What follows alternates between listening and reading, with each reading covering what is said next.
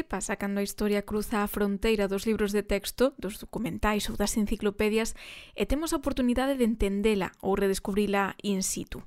Viaxar tamén ten moito diso, de coñecer o pasado dun país ou mesmo dun continente a través de museos, hainos maravillosos, interactivos e moi divertidos, pero tamén con roteiros, con teatralización ou mesmo paseando entre as ruínas do que un día foron os nomes propios da historia.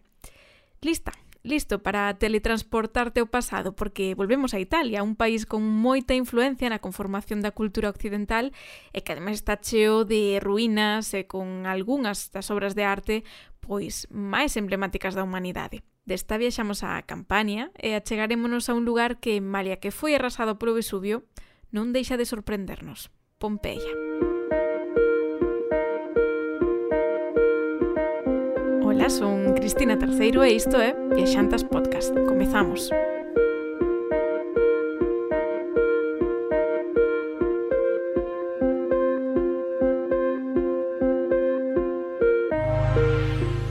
Como me gusta o verán, non podía pasar sen decilo eses días con tantas horas de luz, coas verbenas, o terraceo, a calor, porque deixademe dicirvos que este ano, cando menos aquí en Bruselas, non nos podemos queixar polo menos para os estándares de, de Bélxica, nin tan mal. O caso é que dan ganas de facer máis cousas. Seguro que xa o notaches na nosa newsletter mensual cun bo número de propostas de ocio pois en Galicia, ademais das últimas novidades do podcast, non? que, por certo, se aínda non te subscribiches, deixoche o link nas notas do episodio tamén para que nos des un pouco a túa opinión, para que nos fales da túa última aventura. Xa sabes, sempre queremos sumar viaxeiros ao clube. En fin, que o verán é sinónimo de vacacións, bueno, unha aperta mayúscula, se, como meu pai, por exemplo, traballas nun sector que non para no verán. Un bico papá! Pero ben, concordaremos en que é nesa época do ano na que moita xente ten cando menos uns días libres. É tamén un dos momentos nos que busca recomendacións de onde ir, que facer ou cando queres saber máis sobre o destino que vas visitar próximamente. Se che gusta a arqueoloxía, estou segurísima de que este episodio che vai encantar, porque o fío condutor da nosa ruta de hoxe van a ser tres importantes cidades da antigüedade, Paestrum, Pompeia e Ercolano.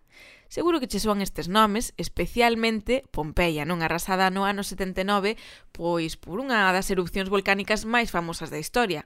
Se precisas que che refresque un pouquiño a memoria, foi esa erupción interminable do Vesubio que sepultou a cidade durante séculos, preservando intactos pois os restos arqueolóxicos e tamén os corpos das persoas conxelados tal e como estaban no momento exacto do seu falecemento tan grande é que aínda parte da cidade segue sepultada e non creo que nos dé tempo nesta vida para vela escavada. Tamén vos digo, menos mal, porque algo hai que deixar para as xeracións do futuro, non? De todo isto imos falar, como máis me gusta a mí, non da man de outra da viaxanta que descubrín un pouco por casualidade grazas ao Twitter desta vez, porque visitamos máis ou menos nas mesmas datas eh, estes lugares. Así que de unha excusa perfecta para contarvos os segredos da campaña, que ademais é a culpable de moitos dos estereotipos que temos sobre os italianos. A nosa convidada é Carme Saborido, e seguro que che soa dun podcast irmado pod galego, as Gomas Planers, que, por certo, teñen algún que outro episodio sobre viaxes que vos convido a escoitar, ou polo seu blog Lusopatía. Benvida, Carme! Ola, obrigadísima por, por me teres convidado, porque esta faceta de viaxanta pouca xente a coñece de min, pero é eh, unha parte importante tamén de min. Para min foi unha das sorpresas e ademais eh, gustoume moito porque ti tes un xeito moi particular de, de viaxar, non? Non é como, pois, ao mellor eu podo facer que, bueno, teño dous días, organizo rapidamente a ver a onde me podo escapar eh, para coñecer algún sitio diferente. Ti, nese sentido, Planéalo e organízalo de outro xeito. Contanos. Pois si, sí, eu normalmente fago viaxes longas, agora fago viaxes longas en familia porque teño a miña propia familia, pero anteriormente xa facía isto eh, sempre con, con mochila. Eh, as viaxes normalmente pois levan a ausentarme do meu domicilio pois un mes, son viaxes máis ou menos dun mes, onde o que se planifica, non, entre a miña parella e eu, máis a miña parella que eu, pois é un pouco um, a primeira semana de, de viaxe e despois, unha vez que xa estamos ali porque xa chegou o avión ali, pois a partir dese, dese punto de partida eh, vamos un pouco escollendo o resto dos lugares. E como organizamos pois eh, as estadías, as noites, eh, se necesitamos transportes ou non, todo iso. Prefiro sempre deixar un pouco pois non sei, deixar pouco impacto aos sitios onde vou, por iso ando sempre coa, coa mochila e ao final como este tipo de viaxes que son moito de mm, correr, coller un transporte outro e tal vez máis a improvisación algunhas cousas, pois iso mm, Mm, tamén te facilita poder moverte ben e ao final eh, a mochila condiciona que selecciones o importante. Eso tamén crea unha filosofía de viaxe que me parece importante. Non ocupa moito, non mete o barullo que meten as, as, as maletiñas coas rodas, entón só vas levar os, os imprescindibles, non? Cando estaba embarazada, pois moitas persoas sempre me aseguraban que o de viaxar xa, xa se me acababa Eh, mm, podo dicir que é mentira, que agora viaxo igual que antes, o que pasa que viaxo de, de outra maneira. O dos transportes, que tamén me preguntabas, pois eh, se pode, sempre fago as mínimas viaxes de avión e agora máis tendo unha nena, pois eh, prefiro cousas que non teñan moitas escalas. De feito, pois iso foi o que nos levou a organizar a nosa viaxe como punto de partida a Bari, porque se fixemos Porto Bari. E entón, iso, prefiro os destinos en escalas para que a bebé pois, non, non sufra tanto no avión e, se é posible, eh, collendo transportes públicos. Neste caso, como fomos a Italia, pois é un luxo porque está comunicadísimo todo por liña férrea E esta viaxe, pois nada, pois foi por asuntos laborais do meu compañeiro e como estou de excedencia, pois teño toda a flexibilidade do mundo para, para acompañalo e tivemos toda a calma do mundo. Eu non teño fillos, entón, claro, de momento solamente teño que decidir por min, non? Pero sí que é certo que ese medo de uh, é o día que teñas cativos é unha persoa que necesita mellor as súas rutinas, que precisa, eh, pois sí, máis estabilidade, que sí que para moita xente pode ser como un como non, un xeito de replantearse moitas cousas, así que como viaxanta quedome moito máis tranquila de que de que podo seguir, non? Podedes seguir, así que eu animo vos que si queredes crear unha familia que non vos freo das viaxes, porque se pode igual, eh? Podes igual. De outra maneira, pero pode ser hoxe en día tamén hai moitas contas, eu vexo tamén nas redes, eh, precisamente, non de xente que conta a súa experiencia de, de como viaxar con cativos, a donde ir, como facerllo a viaxe tamén entretida para, para eles, non? Porque ao final sí. buscamos cousas diferentes, seguramente. Exacto, e eu cada vez tamén vexo máis en propostas museolóxicas, pois unha referencia a eles, non? Pois si, si che dan algún papel ou mapa, pois tal vez ese mapa agora xa inclúe pois algo de actividades para idades máis temperás que antes xa tampouco iso se, se contemplaba. E eh, todo se agradece. A, viaxar con fillos vai cambiando moito eh, porque non é o mesmo eu xa viaxo con ela desde que ela ten seis meses que é máis ou menos a idade indicada para o dos avións pola maturidade un pouco da, ah, pois do, do aparello auditivo. Eh, mm, non é o mesmo, claro, eh, viaxar con el agora que ten dous anos, pois que ten máis autonomía que antes, non depende tanto de tomar o peito, porque xa non o toma, mm, comeza xa a pedir para ir ao baño, vai, vai cambiando un pouco viaxar con alguén que tamén muda as súas necesidades co tempo. Ti xa coñecías tamén Italia, non? Non era a túa primeira vez esta viaxe da que, bueno, acabas de chegar, tampouco fai tanto tempo que, que estiveches. Sí, eu eh, pois tivera unha estadía de uns meses en Italia no ano 2011, se non me lembro mal, e fun por motivo de estudos, fun con unha bolsa da Escola de Idiomas, mm, e fun a unha escola Dante a tirar o B2 de lingua italiana a unha cidade que se chama eh, Camerino, que agora pois está en vías de reconstrución porque foi desas atacadas por polos, polos sismos que hai en Italia. Non sabedes que é unha península con moita actividade de sísmica, entón Camerino pois, viuse afectadísimo. Está na, na rexión das marcas.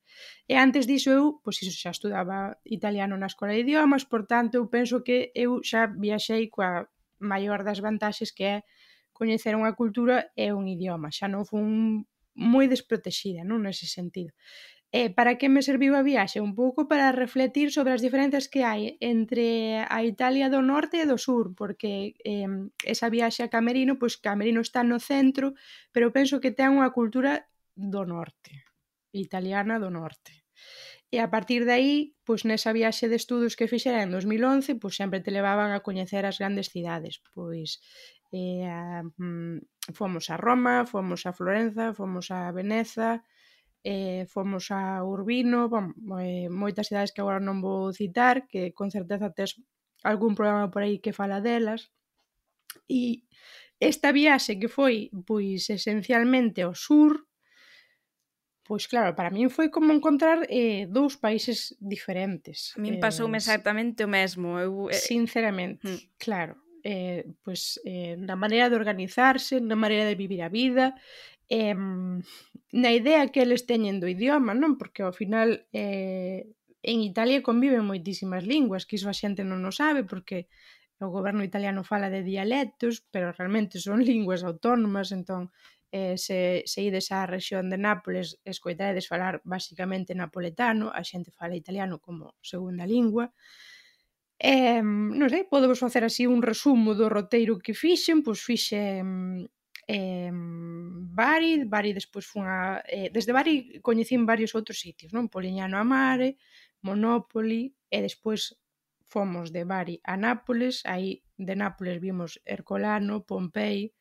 Salerno, e de Salerno fomos a Paestum, despois a Potenza, Taranto, Lecce, Brindisi, o último que deixei foi Albero Bello, que me encantou, e dai pois xa retornamos a Bari para apañar o avión de volta. E isto foi un mes, máis ou menos. De Bari e Albero Velo falamos nun episodio, como ti mencionabas, no 16, así que se alguén ainda non o escoitou, que vaia a, a escoitalo como deberes para a próxima sesión, así ten pois o, un pouco esa cara A e B de Italia da que falamos, porque sí que vai haber diferenzas no que vayamos a comentar. Eh, contigo queríame centrar entón nesa parte pois máis histórica, non? Falabasme de, de Salerno, de Paestrum, eh, contanos que se pode ver ali, non? Porque Salerno sí que ao mellor é máis fácil, non? Que te que vaias neste roteiro pola costa amalfitana, pero Paestrum queda un pouquiño máis, digamos, eh, afastado e a xente, pois, se non ten tempo, moitas veces esquiva ou non. Eh, ti por que te decidiches a ir e eh, que foi o que topaches ali? Pois exactamente, coincido moito coa túa reflexión de que a xente que é algo que esquiva. E penso que deses lugares que as persoas se teñen pouco tempo, pois deciden descartar, din, ah, pa isto xa non vou, porque total xa vou a Herculano ou a Pompei, non entón xa non vou. Pois non descartedes isto nunca. Eh, nos fomos vía Salerno e foi super fácil é económico chegar eh, en transporte. É dicir, toda esta viaxe que nos fixemos dun mes non alugamos nunca un carro, sempre o fixemos coas comunicacións que, que o goberno italiano xa ten ao teu dispor. Entón, Paestum ou, ou Pesto é unha cidade da, da Magna Grecia e na altura en que era habitada, pois era chamada Posidonia polos propios habitantes gregos daquela, non? Que o sur de Italia foi colonizado por, por Grecia. E esta cidade foi habitada ata a Idade Media, entón a partir da Idade Media pois, comezou un pouco a súa decadencia e, e abandonouse, e no século XVIII foi eh, redescoberta.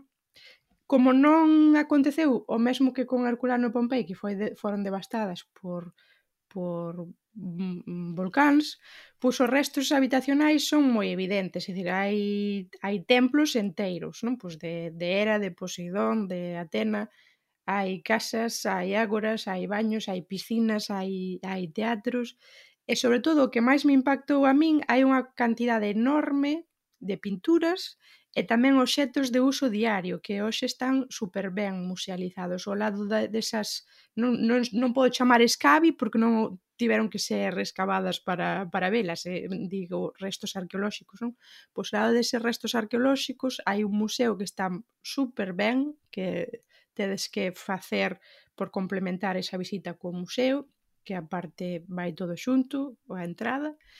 E, e aí ides ver pois, un pouco os frescos que había nesa altura, e, destacable sobre todo o trufatore, que é un pouco unha pintura de un home que está como en movimento para dar un, mer un mergullo no mar, en naquela altura, claro, as pinturas eran un pouco máis estáticas, eu creo que, que se percibe perfectamente o dinamismo desa pintura, por eso é impresionante. E, e iso, o que me chamou moita atención é que están aí os restos pois, dos obxetos con que as persoas eh, convivían. Non me pareceu para nada un lugar masificado, o turismo que eu vin era prácticamente interno, grupos así escolares, pero mm, non sei, nós fomos os tres e era super fácil ir sobre todo co carriño da, da bebé. Imaginade que tranquilo é que a nena dormiu parte da visita no, no carriño, entón a, a Cidadela é moi accesible para quen ten problemas de mobilidade ou, ou como a nós no noso caso. E a propia comuna xa ten unha app gratuita que sí que funciona moi ben, e ten un audioguía fantástico, xa con numeriños, e ti vas pasando unhas pistas de audio, e de verdade que non non perdes nada. Eu ata mm, todo, todo ese audio fixeno en italiano un pouco para pues, refrescar o vocabulario así propio da arquitectura e das artes e, e creo que acompaña moi, moi, moi ben o que é andar por esa cidade. Non sei se xa colleras as entradas con anticipación, se ali é, é fácil. Como me dis que non está moi masificado, imagino que na billetería ali mesmo sen ningún problema, non? Hmm, todo ali sen ningún problema. Eh, foi super fácil e a xente ademais eh, como, non sei, como moi amable con alguén que viaxa con nenos. Non, eh, que non tiven case que facer cola, non sei, dicir que había que eh, tres persoas diante de min, eh, case automático. Así dá gusto. A min no, no meu caso, a verdade que non me deu tempo porque fun solamente unha semana e quería recorrer, percorrer un montón de lugares. E claro, unha vez que te pos a camiñar e o que queres facer todo, chega un punto que tens que decidir. Así que pasoume exactamente o que diste de, bueno, para a próxima.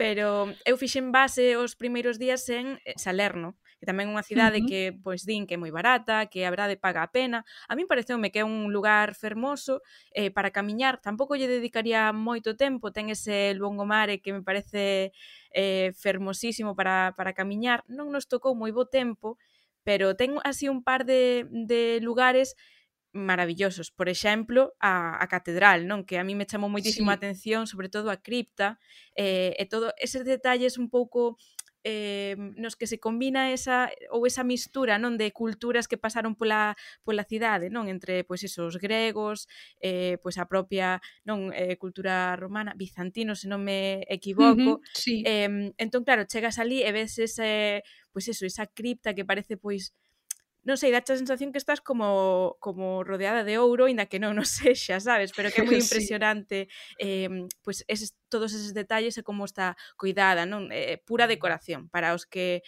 eh lles gusta tirar fotos ou gravar vídeos, eh moi fotoxénico, digamos. A min tamén me impactou bastante o, mm, o Lungomare eh, e despois o que o que apreciei é que debía ser como un punto de escalada tamén para cruceiros, porque sí que nos eh, Eh, topamos con, con algún, pero é unha cidade que tamén é bastante amable para, para se andar. Eh, digo isto porque, claro, anteriormente tiñamos estado en Nápoles.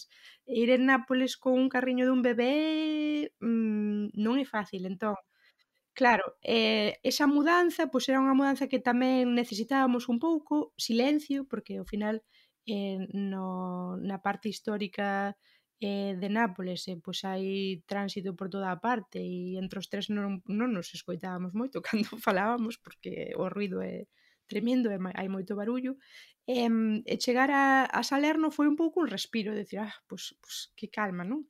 E, eh, o Lungomare sí que é algo que, que desfrutamos tamén bastante porque Non en todos os sitios de Italia a cousa está moi adaptada para encontrar parques infantís, entón ir con unha nena e poder soltala nun momento nunha praia e que xoga un pouco con area e tal, pois eh, concilia bastante, non? A, unha viaxe a tres ten ademais moitos eh, xardíns que son como parte dese roteiro turístico, non? Entón, eh, tamén se agradece pois eh, facer algo diferente. Entón, é un lugar para camiñar, é un lugar para percorrer, eh, eh, digamos, gozar, non? Eh, pasar pasar tempo. A nós, eh, no meu caso, fixémolo como máis eh, como punto de partida, non?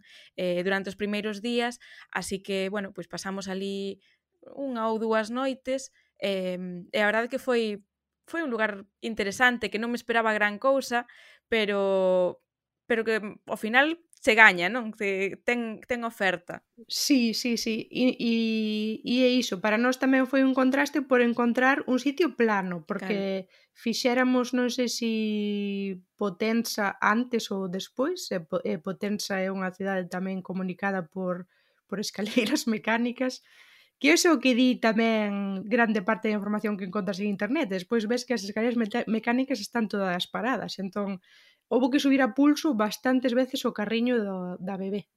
Entón, xa digo, recalco, chegar a, a Potenza e, e poñer o carriño a andar e que a nena pudese andar e poder escoitarnos os tres e respirar aire un pouco máis limpo, non? Que o que viña respirando en, en Nápoles, pois foi estupendo, sí. sí. Para min era como un ximnasio, toda esta zona era como un ximnasio natural, non? Porque é o que diste, moitas costas, moitas escaleiras, é dicir, non me extraña que as italianas teñan eh, ese físico de cadeiras para baixo, sí. porque eh, pero bueno, se seguimos este roteiro non que estamos a facer e imos xa pois a unha das digamos un dos lugares estrela, non? Que sería pois ese Pompeia eh, Herculano.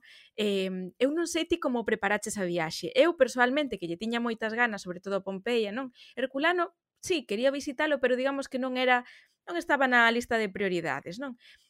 E cando xa cheguei ali, despois de, bueno, ler bastante, pero sin mercar, eu non cometín o erro de non mercar o billete antes, de ver a ver que oferta me atopo ali. Creo que ti isto organizaches un pouquiño mellor, non? Eh, tampouco te creas, eu eh, organizei a visita desta maneira, fun cada día a un dos lugares, porque sí que vin en varios blogs que te dicían, non penses en facer Pompei e Hercolano no mesmo día, porque é unha, é unha loucura. E a min xa me pareceu que aquelo sería inabarcable facelo todo no mesmo día. Entón, desde Nápoles visitamos un día Ercolano e outro día Pompei. O primeiro día fixemos Ercolano. Non sei se por un pouco pois unha imaxe estereotipada de Herculano vai ter menos cousas, porque tal vez é menos coñecido, entón será menos desafío para unha nena pequena. Entón fixemos primeiro Herculano e non sei, eh, comprei os billetes tamén eh, cada día mm, desas xornadas na billeteira no mesmo día e non tiven que esperar case nada, nada de nada.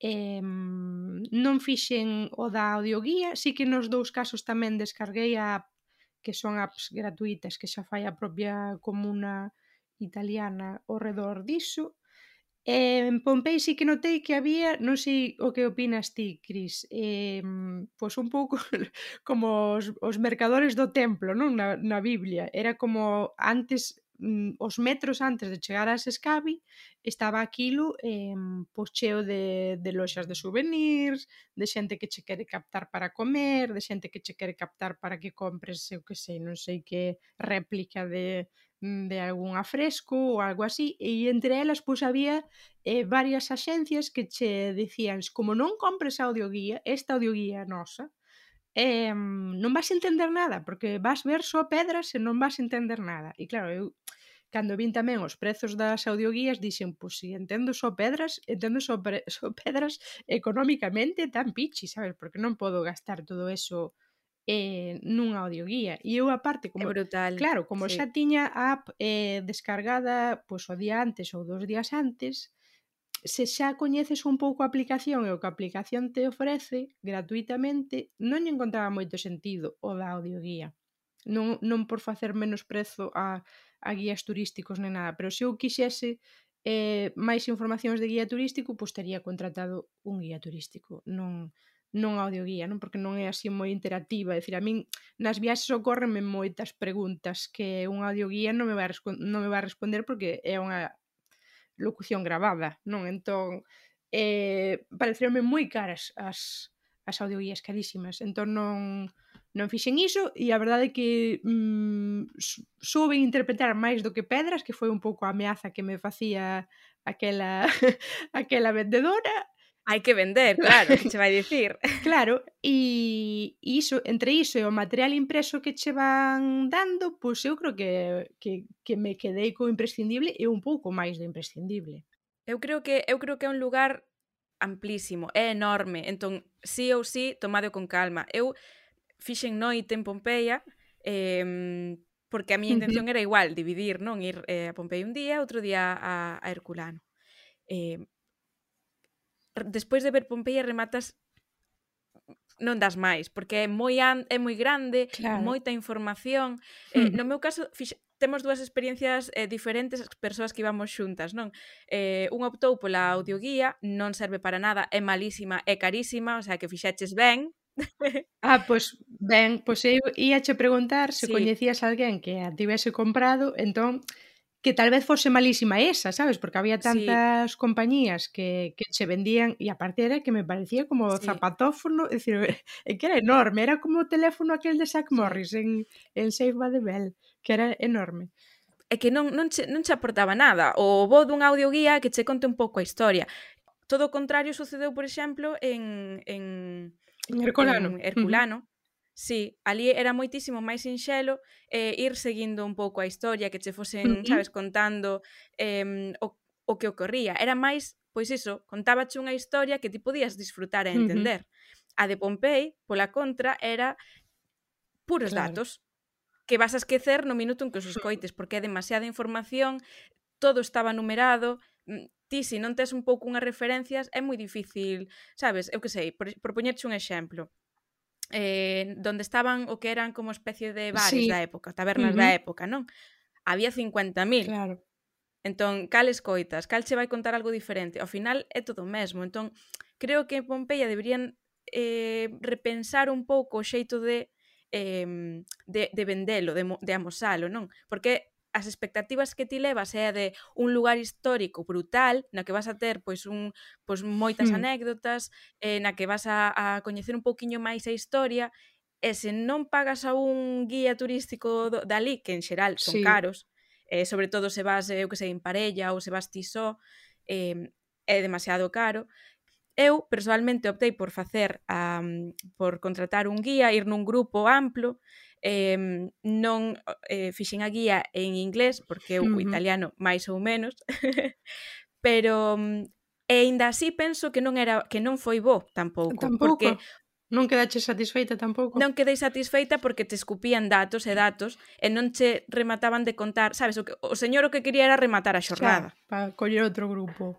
Exactamente. entón, por iso teño a sensación de que en todo momento en todo momento recalcaba non o tema das propinas, por eso a mí me quedou un pouco unha sensación de que nos puntos máis turísticos desa rexión sí que hai un pouco eso, eso esa non extorsión, quizáis é unha palabra demasiado grande, uh -huh. pero sí que che intentan pois todo o tempo sacar máis. Sí, eu diría seducción pesada. Exactamente. e, sí. e ademais, é que ademais a min gustame iso que un guía che pois che vaya contando eh curiosidades, cousas que a ti che vayan a resoar o día de mañá, non? E que che vayan sí. quedando.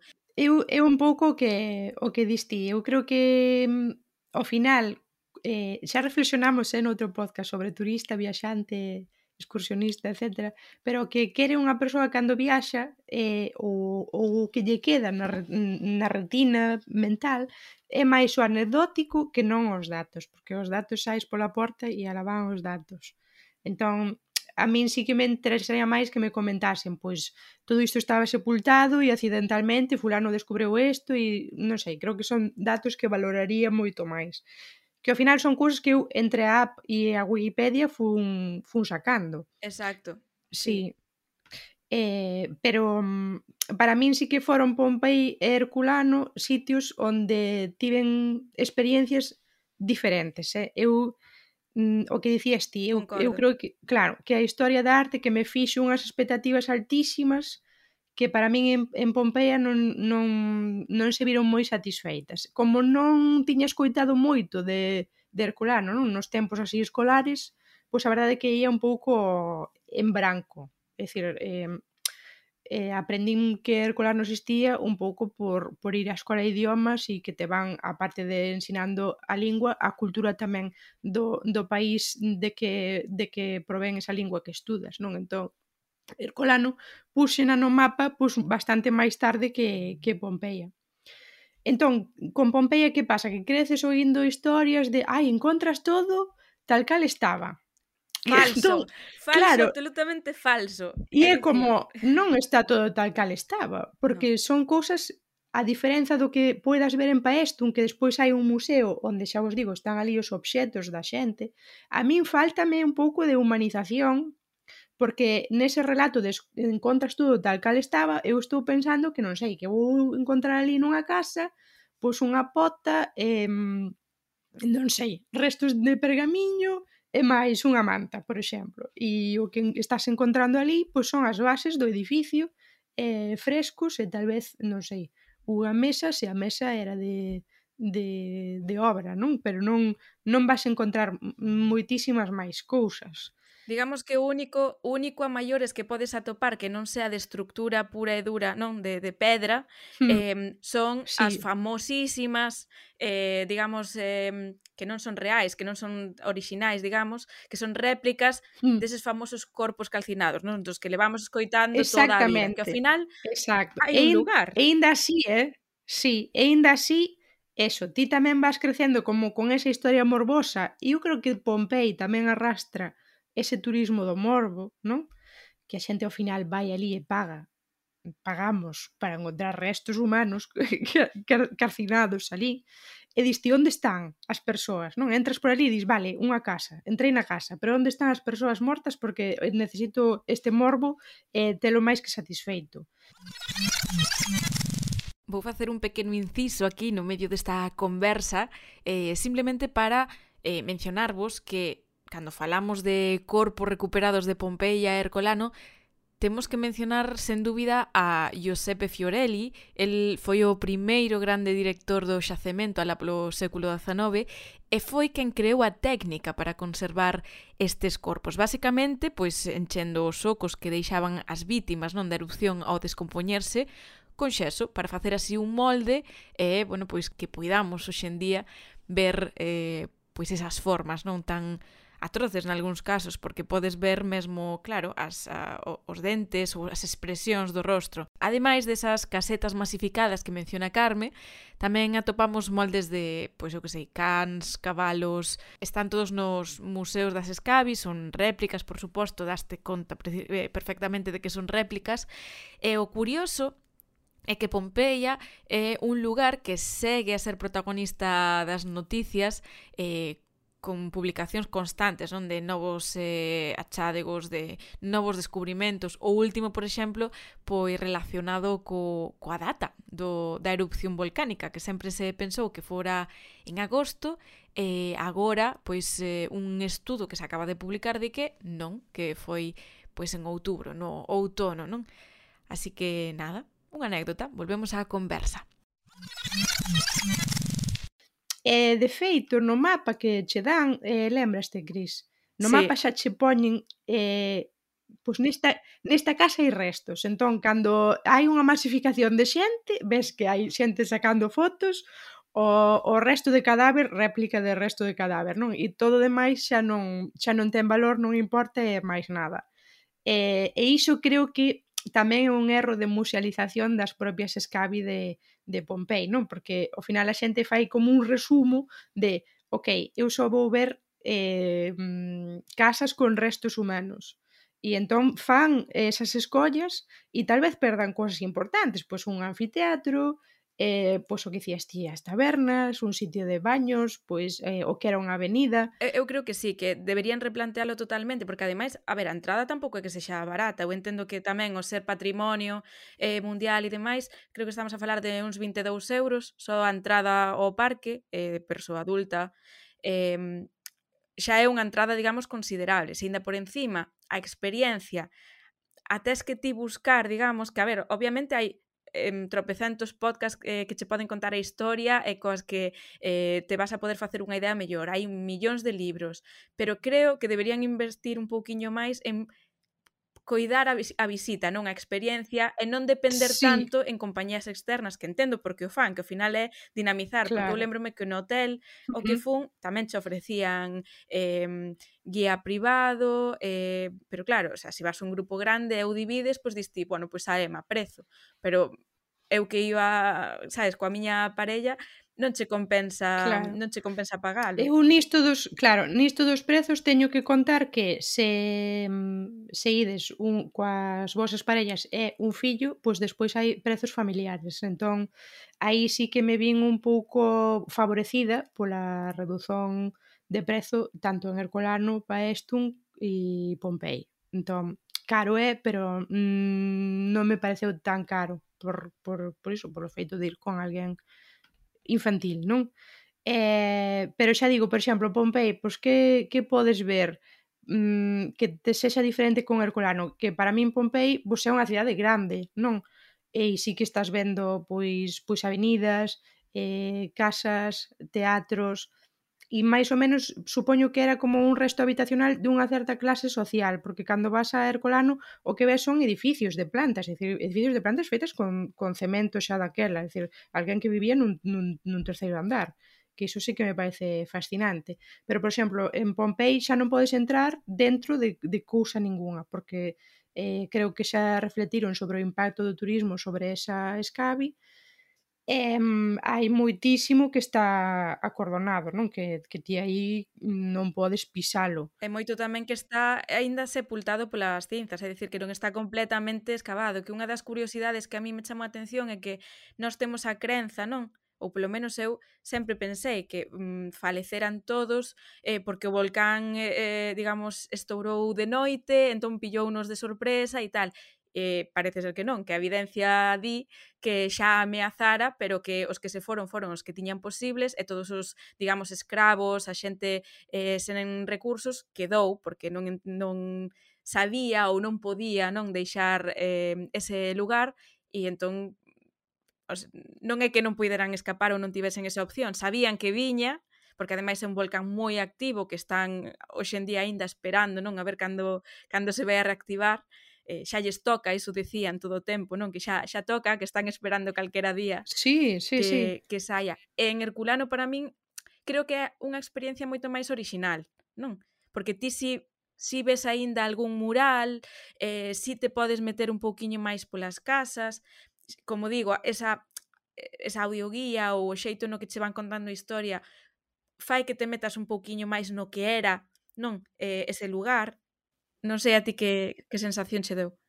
Claro, para min iso, eh, vin que eran como dous modelos habitacionais completamente distintos, non? Porque en Herculano, pois, creo que a propia arquitectura fai que palpes eh, certas diferenzas de clase social. Eh, pois o que dicía antes, hai edificios, pero tamén hai casas señoriais, e eso xa non o encontrei tanto en, en Pompei, non? En Herculano podes entrar en absolutamente todo, menos igual dúas ou tres cousas, pero sí que me impactou moito, non? Pois eu ir ali, non sei, cos meus tenis pisando un mosaico de, de 2000 anos, de dicir, ai, madre mía, pero non, non me sinto digna de poñer un tenis aquí encima, a ver se si vou destruir isto aínda máis. Sí, sí. Eh, se ides a Herculano, eu, claro, Herculano foi a miña primeira visita destas Scavi. Eh, non tiña tampouco ningún referente, polo que dixen antes, eh, por ignorancia miña, eu pensei que ia encontrar ali tamén restos humanos. E a historia de Herculano e Pompei é completamente diferente porque em, cando o volcán ameazaba en Herculano, non? pois ali o que fixeron foi fuxir como para unha especie de arcadas que hai ao lado dun río. Entón, a maior parte da poboación salvouse e outra quedou sepultada nesas arcadas que se poden ver tamén desde unha baranda E o que dicías ti, Cris, eses restos tamén son réplicas de restos, é dicir, eh, xa a xente vai aí polo morbo de oh, canta xente vou encontrar ali vulcanizada, pois tampouco, porque eh, son maniquís que están ali postos. Pero a musealización pareceme moito mellor, porque tamén o museo está ao lado e, e podes tamén encontrar vestixios de certa habitacionalidade, Em, a nivel de ir con un carriño dun bebé Pompei é super difícil. E encontreime ali con xente en cadea de rodas que viaxaba en familia e, e estábamos mirando con cara de complicidade de, é difícil isto. E Ercolano, pois non, porque está todo xa como con rampas, sí, teñen rampas que, que facilitan moito o acceso, é bastante moito máis fácil se tes algún problema de mobilidade que visites Ercolano sí e Pompei mm, con máis paciencia terías que terías que ter. É que Pompei é, eh, é puro é unha calz, como imaginadevos mm, unha claro. calzada toda de adoquins. Eh, é super complicada e ademais os desniveis que hai uh -huh. son moi altos, o sea, con eh, claro, estaban pensados para outra realidade, non? Para outra época tamén. Uh -huh. E, e non sei se notastes diferenzas tamén na, na masificación entre unha e outra. E para sí. min Pompeia pareceme brutal, sí. de masificado. Eh, e, e Ercolano, sí, tiña xente, pero era soportable. Era unha visita soportable.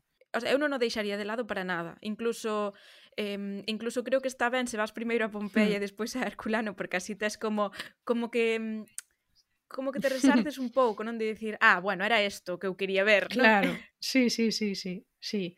E, e iso, que como dicías ti que, que ten maior conservación tamén el colano, penso que serve moito para eliminar unha imaxe que nos temos da, da Grecia clásica ou da Roma clásica de que ali todo era en branco ou gris, non? Era todo mármore branco ou gris e cando fan recreacións de festas históricas que son sobre eh, romanos na Galicia, pois tamén todo o mundo está con unha toga branca. E despois ti vas a Herculano e ves que realmente as paredes eran unha horterada porque é todo eh, pero colorinchis, moitísimos colorinches, hai, hai moitas cousas da cultura eh, grecolatina que temos moi moi mal aprendidas. Canto dano aí... fixo Hollywood, non? É o cine, claro. Eh, supoño que vende sí, aí. Claro, ti cando aprendes que realmente todas esas figuras que estás estudando en Historia da Arte como figuras de mármore nu, que non eran mármore nu, porque despois estaban policromadas, igual que as columnas e tantas outras cousas, eh, pois ao final son eh, culturas que teñen moito máis que ver con, non sei, teñen, teñen máis familiaridade tal vez con cousas asiáticas, do que do que nós esperamos, non? E, e, e eu creo que Herculano serviume moito tamén para iso. Pois ese era un dato que eu xa coñecía, eh? Atención que tampouco son tan burra. Pero sí que o vin ali de caras, non? De dicir, ah, pois mira, pois esta persoa tiña unha casa e a casa toda estaba completamente eh, pintada, non había espazo para un branco, debía ser aquilo un horror vacui eh, tremendo, non? Porque era todo absolutamente todo eh, policromado. Sí que te faz esa idea. Sí, sí, é verdade. Esta eh, eu, na miña opinión, creo que está tamén moito mellor conservada un pouco polas características, non? Porque digamos que a Pompeia arrasou na o volcán e a lava eh, uh -huh. Eh, e, e a Hercolano simplemente, digamos, o vento axudou a que fose cara a outro lado, entón simplemente quedou sepultada pola, pola cinza, digamos. Sí, eh, claro. E a, a cousa graciosa é que hai moitísimos, é dicir, é moito máis pequeno en dimensións, porque, claro, a cidade seguiu medrando en riba deses restos. Entón, hoxe en día non é que poidan seguir excavando realmente porque porque claro, porque ali hai vivendas, hai edificios, eh, ti ves Claro. digamos, esas ruínas no medio, no medio da cidade, se se pode dicir claro. así. Non te pareceu tamén interesante que nas propias ruínas de Herculano hai como feito a papel pluma eh, persoas a escala, non? Mm, nenos incluso, non? Eh, que fan a memoria de como nenos e persoas eh, dali da propia vila escavaron manualmente iso. E entón hai dentro desa propia musealización a musealización de como se rescatou iso das cinzas e como se descubriu en, con fotos eh, reais, que é algo que tamén me faltou en Pompei, non? De onde están as persoas en Pompei, de Pompei actual ou de Pompei de hai 40 anos en relación a estas escavi, que iso sí que é algo que conta Herculano. Sí, a verdade é que creo que temos un gañador, non coincidimos nese sentido de... Sí, sí, sí, sí, para, eh, e faleino tamén eh, coa miña parella, non? De se tes que escoller mañán, que farías? E, e, e é un pouco así. Eh, creo que nos gañou Herculano os dous. E pensaba que era, eh, porque era o que tiñamos visitado primeiro, que normalmente as cousas que visitas primeiro é así o impacto maior, pero agora que me distí que é o que visitaches de segundo e tamén concordas, pois entón Sí, sí, sí. Así que xa sabedes, eh, sumade a vosa, a vosa viaxe. E despois, digamos que o que nos queda sería Nápoles xa, non? Eh, ti estiveches bastante tempo ali. Para mí sí. foi... Eu estive en dous días e eh, fíxoseme pouco ao final porque ten moitísimo para ver, eh, claro, cando chegas, para min foi o punto final, non? quixen visitar o resto primeiro e, e, e rematar ali, e claro, xa estás uh -huh. tamén un pouco cansada de, de camiñar, do, do, do ritmo da viaxe, e, e creo que polo menos un día máis eh, sacaríalle moito máis partido a, a ese lugar que ten moitísimo que ofrecer eh, en canto a historia, en canto a atractivos, eh, non sei, ti como, como organizaches este lugar? Pois iso, nós fixemos unha unha viaxe que conectase Bari con Nápoles, un pouco para ter dúas cidades grandes como nave nodriza, non? E a partir de aí, pois ir facendo pequenas viaxes a eses arredores. E, para mí Nápoles, pois foi é unha cidade excepcional no sentido da propia raíz da palabra excepción porque hoxe é complicado encontrar verdade nas cidades turísticas eh, por culpa do, do Instagram e, e, e un pouco de toda a performance que nos facemos en redes ao redor das nosas experiencias coas viaxes, non? E, e a propia performance que fan as cidades porque saben que nós facemos performance en Instagram coas viaxes, entón as cidades moitas veces xa crían eh, lugares instagrameables, non? Eh, eh, a, a propia Cámara Municipal tamén fai un pouco iso. En Nápoles, que, que vas encontrar? Pois iso, pois un... Non quero dicir... Sí, é un golpe de realidade, non? Eh, en Nápoles ten moito de verdade, de ferida, de, de crueza, e iso, hoxe estamos tan habituados a Instagram que poucas veces encontramos lugares así, que non sexan exactos para a foto bonita, Pode parecer que eu este agora a falar de defectos, eh, pero para nada, estou a comentar isto como unha virtude para min. Eh, Nápoles non é en absoluto unha performance, é unha paixón. Eh, é unha cidade que xa pasou o cólera, incendios, eh, pois iso, terremotos, vulcáns, Coñecer Nápoles, ao final, é coñecer a historia das súas feridas. Tampouco me vale moito a xente que di ah, pois fun a Nápoles e resulta que estaba todo suxo e non sei que, non sei cando. Eu creo que aí non fixeches un pouco a reflexión de por que está así. E a reflexión de por que está así ten que ser tamén parte da túa experiencia turística eu que eu que unín moito, non? Eh, eu como estiven a vivir eh, na Argentina, digamos que igual que os galegos Argentina, digamos os napolitanos teñen a mesma, digamos, presenza, non? Todos os italianos ou a maioría proveñen desta desta rexión.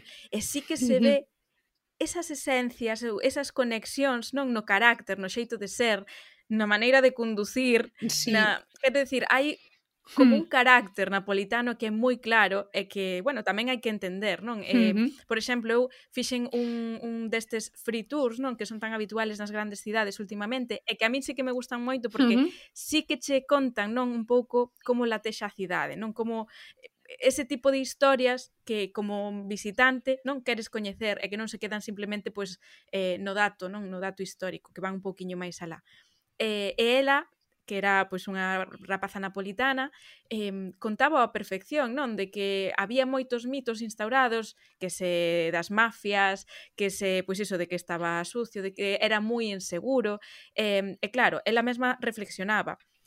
Mm, tampouco somos parvos, vimos que a parte turística, que a parte turística claro. nos funciona, entón a xente, pois sobre todo no barrio español, non, que se di que é como máis eh, uh -huh. era como máis conflictivo, pois aprenderon a sacarlle partido, non, a, a iso e a facelo pois un pouco máis, pois iso que diste, instagrameable, eh, hai un montón de locais eh, fermosos, tamén hai os bares de toda a vida, non sei, como que a propia cidade eh, como que se foi perfeccionando a sí mesma, digamos. Aínda que sexa con esa realidade que ti dis, é tan diferente a outros lugares de, de Italia. Non ten nada que ver, por exemplo, coa experiencia en Bari, por comparar. Non, non ten, non, non, e aínda así, eh, para min teñen puntos en común por seren do sur, pero eu iso que viña de estar pois nunha experiencia longa en 2011 coñecendo cidades como Milán, pois ti podes antepor, non? Ou contrapor Milán a Nápoles e, e o que remarcábamos antes, para min son dous países distintos, dous. Mm, mm, se un día din vámonos independizar, eh, que de feito hai varios movimentos así políticos en Italia, pois ata entendo que existan eses movimentos, porque eh, creo que son dous ritmos completamente distintos. Eh, o que, o que diría eu de, de Nápoles, pois sí, eh, eu eses free tours tamén tamén me gustan un pouco porque van a anécdotas, non? Que quero que quero escoitar.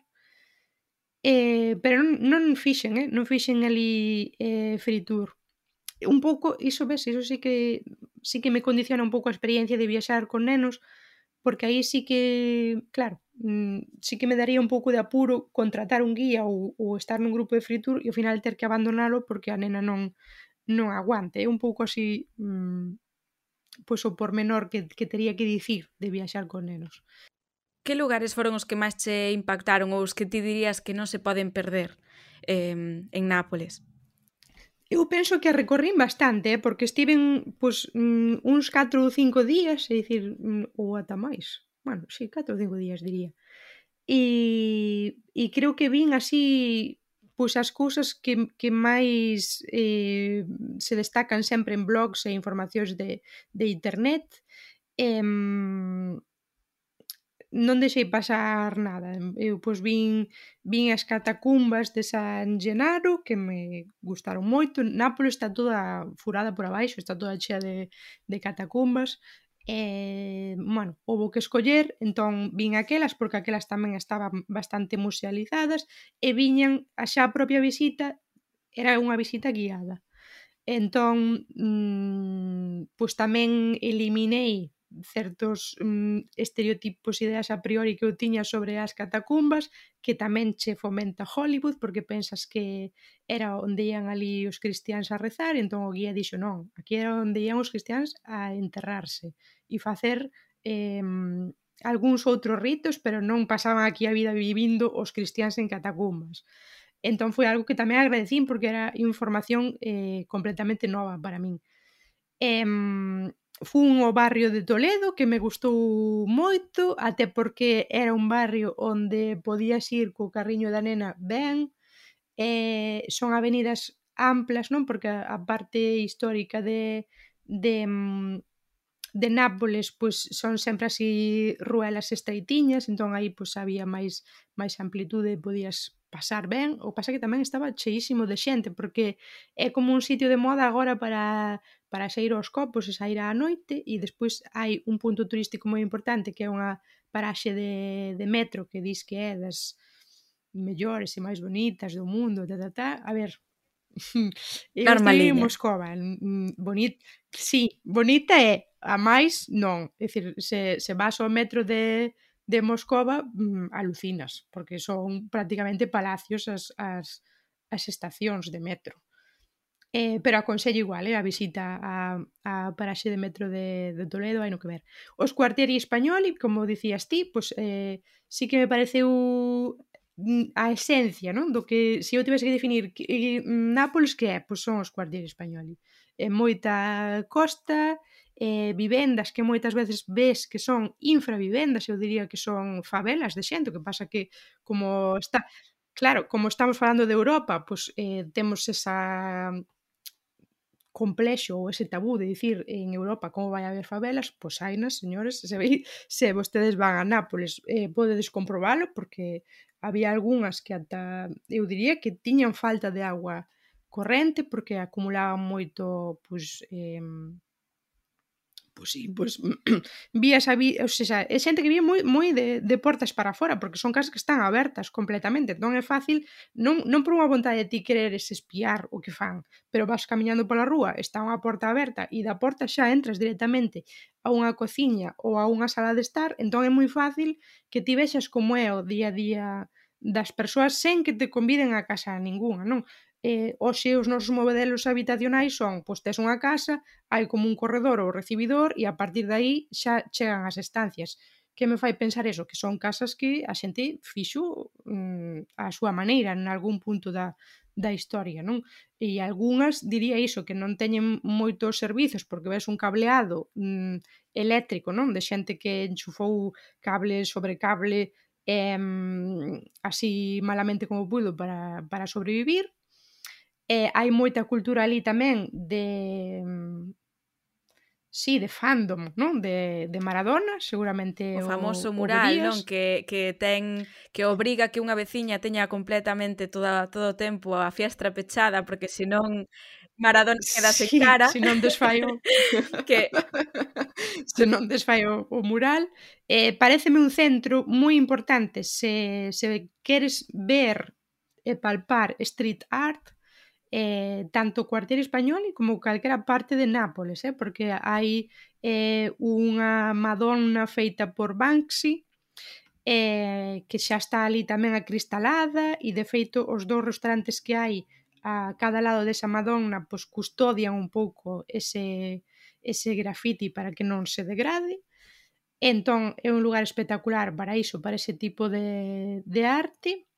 Eh, vin tamén as galerías. A ti gustaron as galerías? galerías? A ver, é que se a comparas con, por exemplo, outras, non? Como, que sei, as de Milán ou así. Uh -huh. A ver, estaban ben, pero tampouco me pareceu nada espectacular, digamos.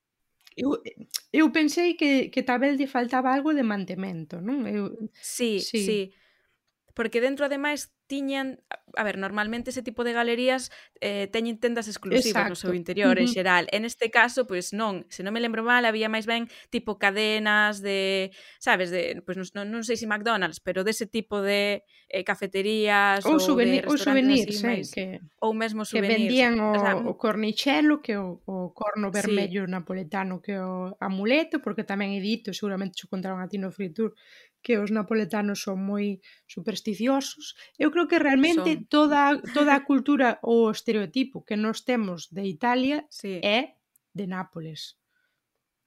Eu creo que sí, sí. e ademais tamén eu creo que eles potencian un pouco iso. É verdade que a cidade está chea, absolutamente chea de eh, lugares que chaman a boa sorte, uh -huh. non?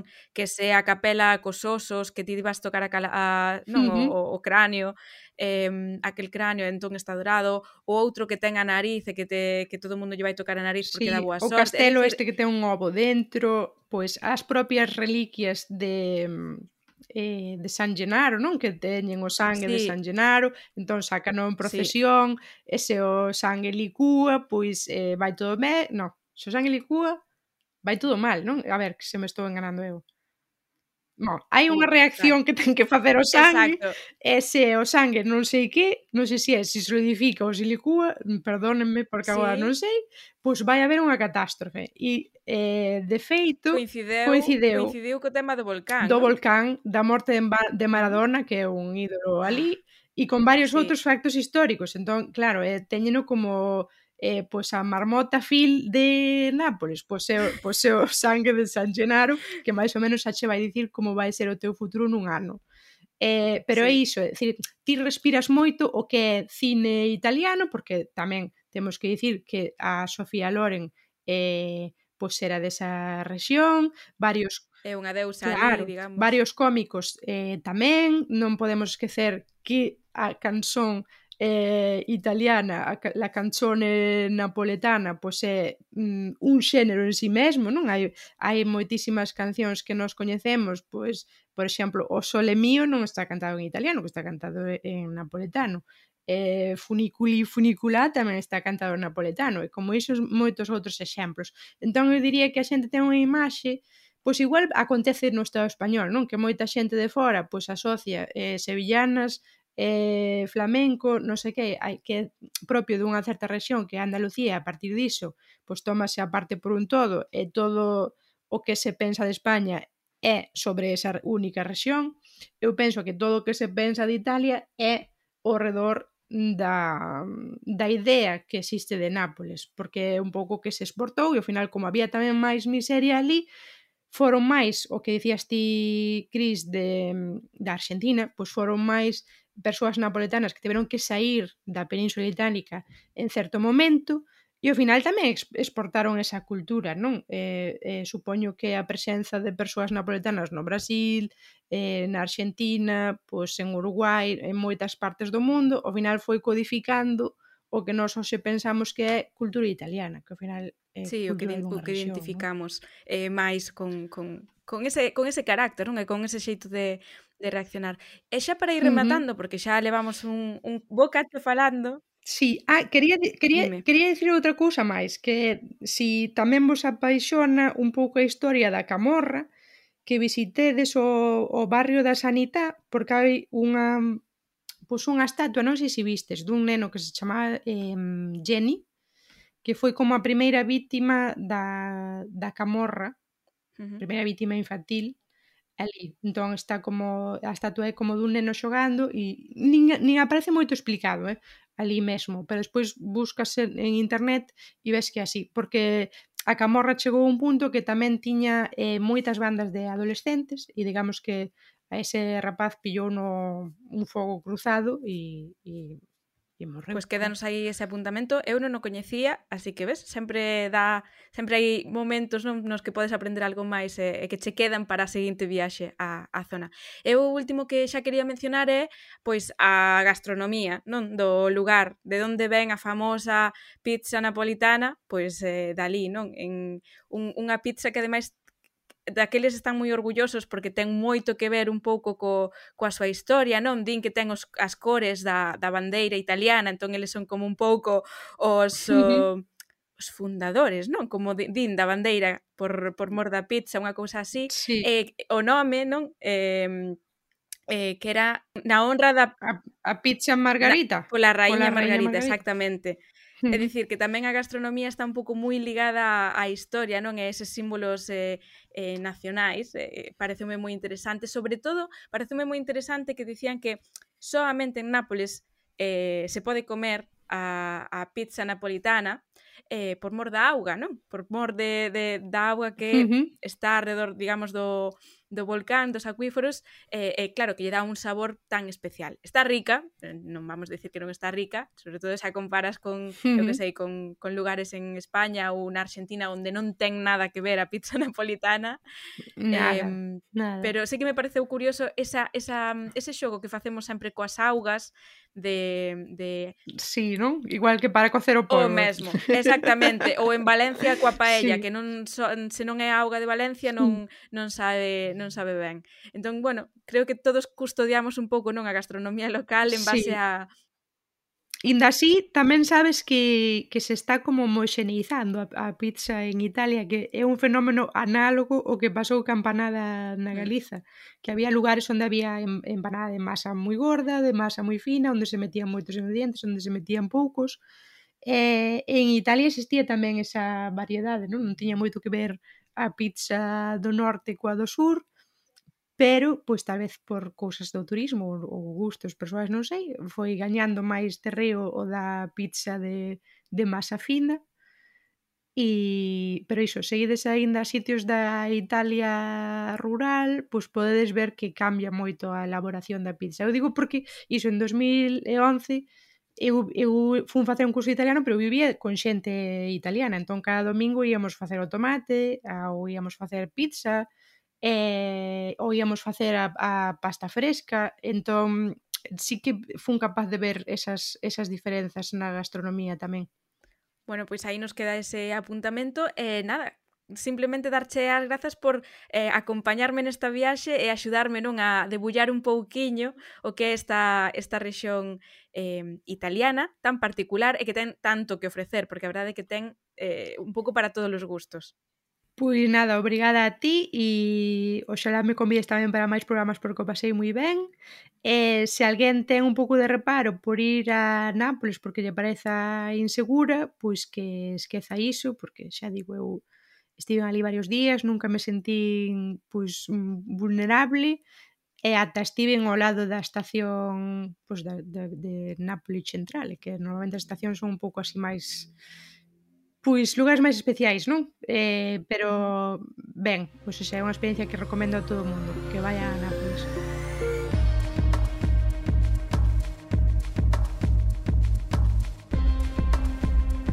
Que maravilla falar con Carme porque xa vistes todo o que sabe, o ben que o conta, así que un placer tela como convidada, estou segura de que volveremos a escoitala por aquí por Viaxantas. E outra cousa da que estou certa é de que no vindeiro episodio imos seguir por esta rexión de Italia, pola Campania, para falar de outro dos seus principais atractivos, a Costa Malfitana. Mentres, xa sabes, vémonos nas redes. Adeus. Adeus.